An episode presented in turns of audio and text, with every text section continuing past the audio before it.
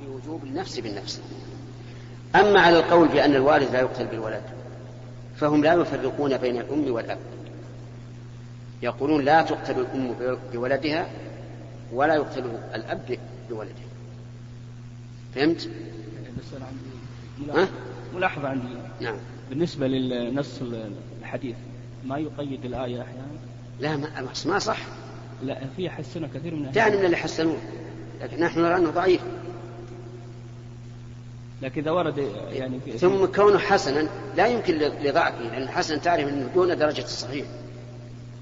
لا يمكن أن أن يقيد عموم واضح في القرآن والسنة. ثم نقول أي عق وأي قطيعة أشد من أن يأتي الولد بابنه لخصومة بينهما في فيضجعه ويأتي بالسكين ويذبحه؟ أكبر قطيعة. ونجازي قاطع الرحم بأن نمنع عنه القتل.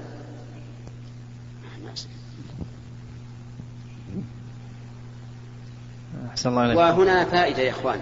بعض الناس يصحح حديث أو يحسنها بمقتضى ظاهر الإسناد. ثم لا يلتفت إلى المعنى. مع أن أهل العلم قالوا إن من شرط الصحة والحسن أن لا يكون معللا ولا شاذا فيجب بعد أن تنظر إلى إلى إلى الإسناد يجب أن تنظر إلى المعنى. هل هو مخالف لقواعد الشريعة أو لا؟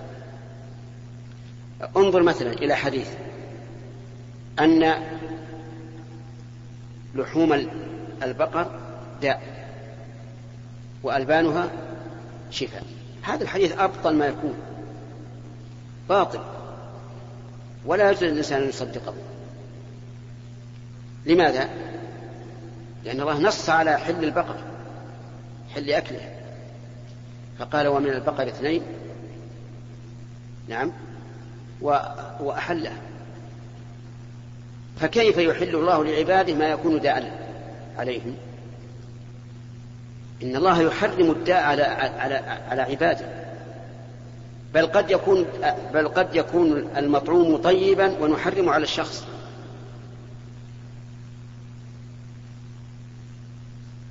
أفهمت؟ بل قد يكون المطعوم طيبا ونحرمه على شخص. إذا قال الأطباء أو تواتر عند الناس أن هذا الطعام مؤثر على الإنسان وهو طيب نقول هو على هذا الإنسان حرام.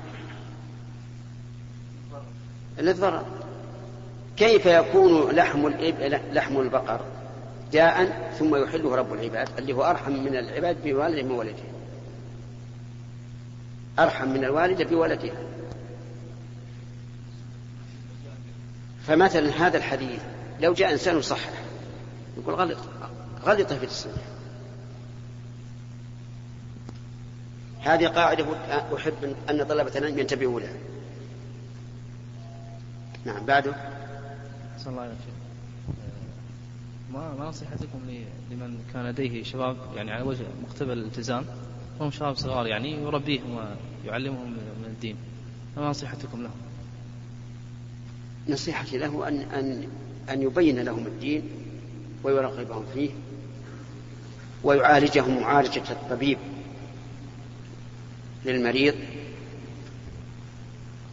حتى يشفى بإذن الله. لو أن مريضا مرض و وفيه مثل جرح يحتاج إلى شق فجاء الشق الطبيب وشقه بعنف. لا يزيد الجرح إلا بلاء لكن لو شد شقه برفق حتى يتمكن من السيطرة عليه صار هذا هو الصواب. ثم ينصحهم عن مصاحبة الأسافل والبعد عنهم لأن المجالسة والمصاحبة تؤثر وكثير من الصغار ينخدعون بوسوسة الكبار وغرورهم فليحذرهم من هذا. نعم. الله خير. مجموعة من المدرسين يترددون إلى قرى بعيدة تقريبا فوق 100 كيلو. ويترخصون برخص السفر يجمعون بين الظهر والعصر مع أنهم يصلون إلى ديارهم تقريبا الساعة واحدة ونص. ويقولون عندهم فتوى منكم أنتم. فهل يجوز لهم أن يترخصوا برخص السفر؟ وإذا كان لا يجوز فهل يجوز لهم أن يجمعوا بين الظهر والعصر من غير قصر أم لا؟ العلماء رحمهم الله اختلفوا في في السفر المبيح للرخص. فمنهم من يحج بالمسافة ويقول المسافة 83 كيلو. فإذا جاوزها الإنسان ولو بنصف ذراع حل حلت له الرخص. وبناء على هذا القول يكون هؤلاء من لهم الرخص. لأنك تقول لهم 100 كيلو أو أكثر. أنا فاهم. فهمت؟ هؤلاء يقولون له القصر وله الفطر وله الجمع ولو قطع هذه المسافة أعني 83 كيلو بنصف ساعة أو أقل. على هذا القول يكون لهؤلاء يعني أن يقصروا إذا صادفتهم الصلاة وهم في غير بلدهم ويجوز لهم أن يجمعوا. وأما على القول الثاني الذي اختاره شيخ الإسلام ابن تيمية وهو أقرب إلى الصواب فيقول العبرة بما يسميه الناس سفرا وهؤلاء القوم الذين يذهبون صباحا ويرجعون مساء أو قبل المساء لا يعدون مسافرين. فلا يقصرون. أما الجمع فإذا كان يشق عليهم انتظار صلاة العصر بمعنى أنهم يصلون إلى بلدهم وهم متعبون ويخافون إن ناموا لا يقومون فلهم الجمع. لكن جمع بلا قصر. لكنه جمع بلا قصر إنما يجوز يجمع هذا على رأي الشيخ الإسلام بن تيمية ومن وافقه. الفتوى اللي يسندونها إليكم يا شيخ. لا إحنا ما نفتيهم. يقول اللي يروح يدرس 100 كيلو أو 200 ويرجع بيومه هذا مو مسافر. فلا يترخص يعني بمعنى لا يقصر لكن مسألة الجمع شيء آخر لأن الجمع يجوز إذا كان على الإنسان مشقة في في انتظار الصلاة الثانية. لو كان شبه يومي الجمع. ولو كان شبه يومي جزاك الله بارك الله فيك. الذي يموت بسبب التدخين هل يعتبر يعني منتحر؟ هل تظن أن الذي يشرب الدخان شربه ليموت؟ أجبني بس قل لا ولا نعم ها؟ لا. خلاص. إذا ما هو منتحر. لكن اللي يضع المتفجرات في بطنه ويذهب إلى العدو. ويفجره هناك. منتحر ولا غير منتحر؟ منتحر. فرق بين من يقصد القتل قتل نفسه ومن لا يقصد. لكن يقال إنه إذا كان ضرر الدخان يؤدي إلى القتل. فهذا من أقوى الأدلة على القول بالتحريم. وهو لا شك عندي أنه محرم الدخان لما فيه من أضرار بدنية وأضرار خلقية وأضرار مالية. ألم تعلم أن اللي يشرب الدخان إذا, إذا, إذا لم يجده ربما يبيع عرضه؟ قل لي بلى ولا لا؟ لا لا أحسن تقول بلى. إذا قال لك أليس؟ قل بلى. آه طيب. على كل حال الدخان عندنا آه يعني لا نشك أنه حرام. لكن لا نقول إن من شربه قاتل نفسه. لأنه ما قصد قتل نفسه هنا شيخ جزاك الله خير. آه، بالنسبة لما في الجنة من نعيم أو ما في النار من عذاب إذا جاءت آثار عن التابعين تنقل وصفا دقيقا لما في الجنة أو في النار. هذه الآثار البعض يعني يأخذ بها اعتمادا على تصحيح بعض العلماء المعتبرين للسند. فيقول أن تصحيح العلماء للسند اعتبار عندهم لهذه الآثار ولا ما صححوها ولم يهتموا بها فهو يأخذ بها اعتمادا على ذلك. هل هذا صحيح؟ لا غير صحيح لأن أقوال التابعين في أمور الغيب ليست كأقوال الصحابة. الصحابة قد يكون مستندهم الرسول عليه الصلاة والسلام. والتابعون قد يكون مستندهم. الأخبار الإسرائيلية التي شاعت بعد الفتوحات الإسلامية. وعلى أعلى تقدير نقول السند منقطع. يعني لو قلنا إنهم, إنهم يستندون في هذا إلى قول الرسول صلى الله عليه وسلم فالسند منقطع والمنقطع انتبه يا موسى. المنقطع من أقسام الضعيف. وتصحيح بعض العلماء السند إلى هؤلاء. قصدهم بذلك لو وجد شواهد من وجه آخر تدل على اتصال السند إلى الرسول صلى الله عليه وسلم صار هذا السند المنقطع صار مقويا له. وليس اعتبارا لا مهم مهم تصحيح الحديث. أحسن الله إليك ورفع قدرك. الشيخ أحسن الله عليك. هل صلاة المنفرد خلف الصف جائزة؟ إذا كان في فرج في فرج عن اليمين أو عن اليسار أو إذا كان شخصان. بينا في هذه المسألة رفع الله قدرك أحسن إليك. هذه المسألة فيها ثلاثة أقوال للعلماء القول الأول أن صلاته ناقصة وليست بباطلة سواء كان الصف تاما أو غير تام. وهذا مذهب الأئمة الثلاثة مالك والشافعي وأبي حنيفة ورواية عن الإمام أحمد بن حنبل. فهمت؟ ويؤولون قوله لا صلاة منفرد خلف الصف أي لا صلاة كاملة كما في قول لا صلاة بحضر الطعام. والقول الثاني أن صلاة المنفرد خلف الصف لا تصح مطلقا سواء تم الصف الذي قبله أو لا. وهذا هو المشهور عند أصحاب الإمام أحمد رحمهم الله. القول الثالث الوسط. يقول إن كانت الصفوف تامة فله أن يصلي خلف الصف منفردا. وإلا فليس له ذلك. ويستدلون لهذا بقول النبي صلى الله عليه وسلم لرجل رآه يصلي وحده خلف الصف فأمره أن يعيد الصلاة. وقالوا في عذره إذا كان الصف تاما إن الله تعالى قال في الكتاب العزيز فاتقوا الله ما استطعتم. وإن النبي صلى الله عليه وسلم صحح صلاة المرأة خلف الصف لأنه ليس لها محل في الصف شرعا. والذي يجد الصف منفردا آه تاما ليس له محل في الصف حسا وواقعا. والتعذر الحسي كالتعذر الشرعي. وهذا الذي قلته أخيرا هو الصواب. وهو اختيار شيخ الإسلام ابن تيمية واختيار شيخنا عبد الرحمن بن سعدي رحمه الله. أفهمت؟ قال بعض الناس يجذب واحد من الصف ليكون معه وهذا غلط. لأن هذا جناية على المصلي في الصف. وسبب لانقطاع الصف ومن قطع صفا قطعه الله. وهو أيضا موجب للتشويش على المجذوب. فهمت؟ وموجب لحركة الصف كله لأن الصف سوف يتحرك ليدنو بعضهم من بعض.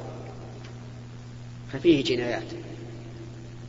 وقال بعضهم يتقدم فيكون مع الإمام وهذا غلط. لأن الشريعة تريد أن يكون الإمام وحده. منفردا ليس معه أحد.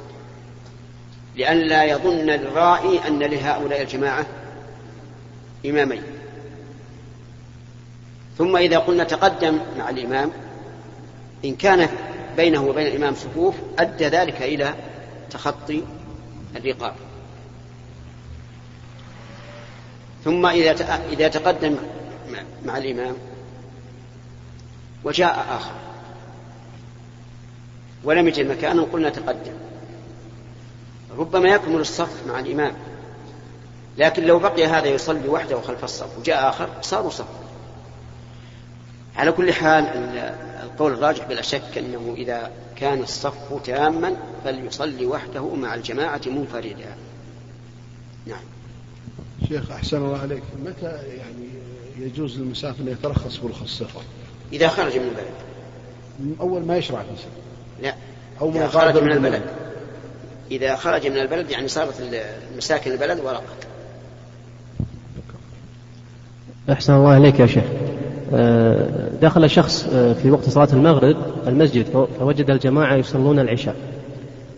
فماذا يصنع؟ وهل يجمع صلاة العشاء بعد الانتهاء من الصلاة؟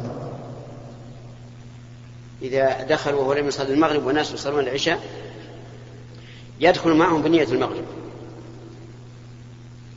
ثم إن كان دخل معهم في أول الصلاة فإنه إذا قام الإمام الرابعة يجلس هو ويتشهد ويسلم ويدخل مع الإمام فيما بقي من صلاة العشاء. وإن كان دخل معهم في الثانية فما بعدها فالأمر واضح. إن دخل في الثانية متى يسلم؟ مع الإمام. وإن دخل في الثالثة أتى بركعة بعد سلام الإمام. ما هل هو من أهل الجمع أو لا؟ هل هو من أهل الجمع؟ المطر. مطر. إيه. إن كان أدرك شيء من من العشاء يعني بعد أن تشهد يدرك شيء من العشاء فليجمع. وإن كان لا يدرك فعندي محل توقف لأنه لا يستفيد بهذا الجمع شيئا. لأنه سوف يخرج إلى بيته ونقول انتظر حتى يدخل وقت العشاء وصلي في بيتك لكن إذا كان يدرك شيئا من من العشاء مع الإمام فليجمع ليدرك فضيلة الجماعة. نعم. أحسن الله إليك يا شيخ. ما حكم اتخاذ السترة للمصلي إذا كان في البرية؟ سنة. لأن, لأن النبي صلى الله عليه وعلى آله وسلم كان يتخذها. كان معه عنزة تركز أمامه ويصلي إليها ولو ما اتخذ الإمام سترة هل ينكر عليه يعني؟ أو ما ينكر عليه؟ ينكر عليه على أن ما فعله منكر فليرشد إلى السنة. يعني بمعنى أن لا نزعق بوجهه ونقول أنت فعلت محرما تب إلى الله من هذا لا. لا بعض المصلين ينكر على الإمام يقول لماذا تتخذ سترة ونحن في البرية يعني؟ آه لا لا غلط. لأنه ما يعرف أن الرسول كان يفعل هذا. لو علم أن النبي صلى الله عليه وعلى آله وسلم كان يفعل هذا ما أنكر. نعم. يقول السؤال بارك الله فيكم. لي أقارب ينتمون للطريقة الشاذلية. إيش؟ لي أقارب ينتمون للطريقة الشاذلية الصوفية. قد قمت بواجب النصح لهم ولكن لم ينتصحوا. فنريد منكم بارك الله فيكم وفي علمكم كلمة له لعلها تلقي القبول لديهم. وأكون قد أقمت بها الحجة عليهم وهل ترون هجرهم وإن إن أعرضوا عن النصح آه، من قطع صلة الأرحام علما بأنهم أقارب لي الله هل تعرف شيء من هذا من هذه الطريقة؟ لا أعلم طيب كيف تنكر ما لا تعرف؟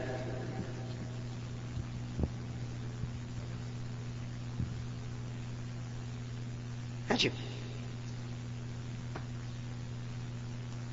يعني عجب قل إذا أنسحب ما أنكر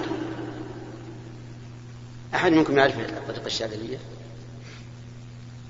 أنا لا أعرف. ها؟ أصبر أصبر. شلون؟ عندهم أذكار بدعية يعني يجتمعون في أماكن مثلا في الليل بعد صلاة العشاء. ويجلسون يعني يقولون أشياء ما هي معروفة. لك وش منكرة؟ يعني مثلا آه، قولهم يعني كلمة هو هو آه، بذكر جماعي. أو كلمة يعني يتقربون الله بهذا. على كل حال لا شك أنها بدعة منكرة. لا شك أنها بدعة منكرة لأن هو هو هذه وش, وش؟ ضمير لا لا له أول ولا تالي وأخشى أي- أيضا أنهم يقولون هو هو يعنون الكون كله. فيكونون قد أرادوا الوحدة أو الاتحاد.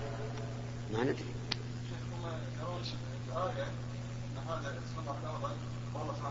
هو الله الذي لا اله الا هو إيه.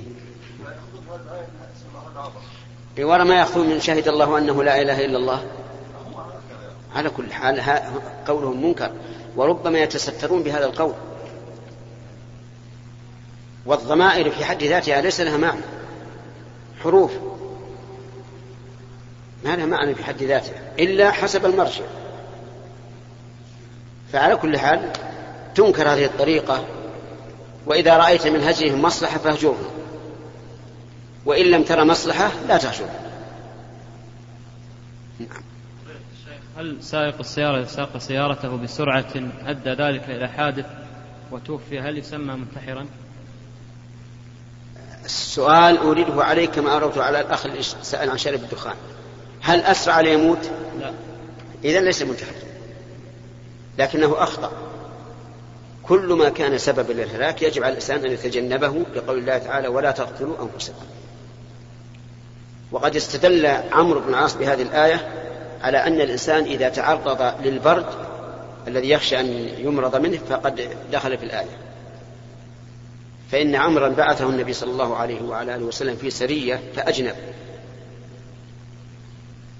وكانت الليلة باردة. فتيمم وصلى بأصحابه. فقال له النبي صلى الله عليه وسلم بعد الرجوع أصليت بأصحابك وأنت جنب؟ قال يا رسول الله ذكرت قول الله تعالى ولا تقتلوا أنفسكم إن الله كان بكم رحيما.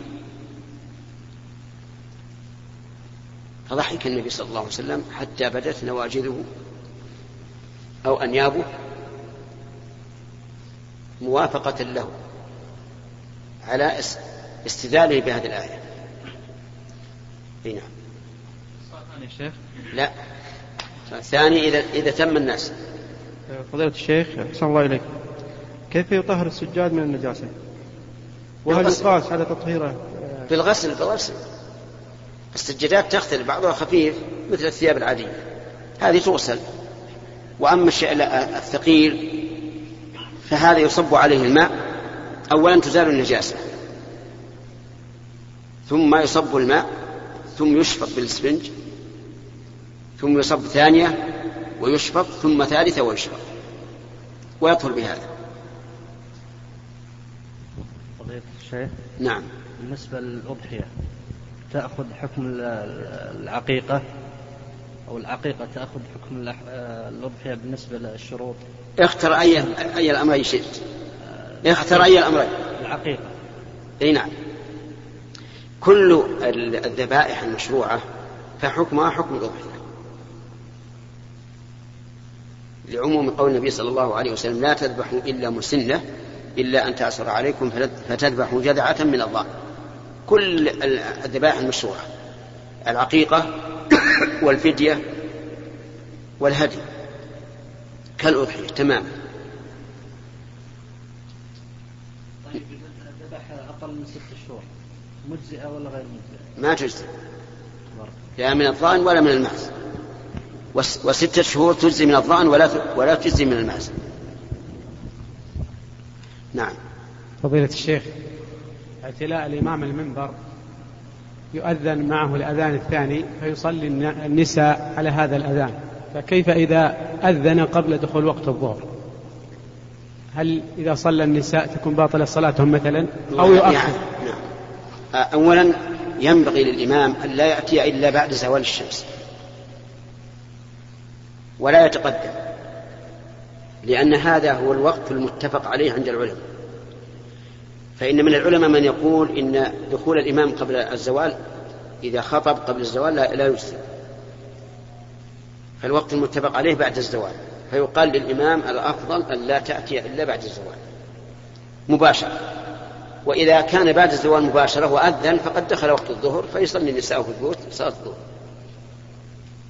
ولكن لا بأس أن يأتي قبل الزوال بساعة أو نحوها. وإذا أتى فليكن عند النساء في البيوت والمرضى في البيوت خبر بأن الإمام يأتي قبل الزوال فينتظرون. والآن والحمد لله الساعات موجودة. فيقال للنساء لا تصلين إلا في الوقت الذي ال- ال- الذي كنتن تصلين فيه في الأيام الأخرى. ينبهن على هذا. فضيلة الشيخ جزاك الله خير. ما حكم تعليق الآيات القرآنية على الجدار؟ لأي شيء لأي شيء يعلق الآيات القرآنية. للزينة أو لل... الزينة. إذا كان للزينة فقد اتخذ آيات الله هزوا. كيف القرآن الكريم العظيم الذي نزل شفاء لما في الصدور وموعظة يجعل زينة في الجدر؟ للتبرك. هل ورد عن السلف أنهم يتبركون بمثل هذا؟ الجواب لا. ما ورد ونحن الخلف يسعنا ما وسع السلف. هات. غرض ثالث. إيش؟ هل الناس الذين يجلسون في هذا المكان يتذكرون ويقرؤون؟ الجواب؟ لا. اللهم إلا قليلا. إن كان. هات رابع. اتقاء الجن هل ورد أن السلف يتقون الجن بمثل هذا؟ لا. إذن كيف غاب عن السلف هذه الطريق و و وفتحت لنا؟ الواقع أن هذا أقل ما نقول فيه أنه بدعة. مع ما فيه من نوع امتهان للقرآن لأنه يكتب مثلا على الجدار في لوحة أو على الجدار نفسه. ولا يغتب بعضكم بعضا. وتجد المجلس مملوءا إيش؟ من الغيبة هذا هزء.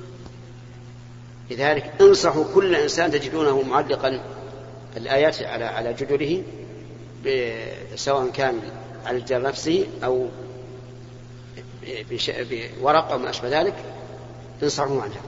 قل يا أخي كلام الله ليس غرضا أو ليس يقطع به الغرض. ومثل ذلك ما, ما, ما نسمعه في الهواتف.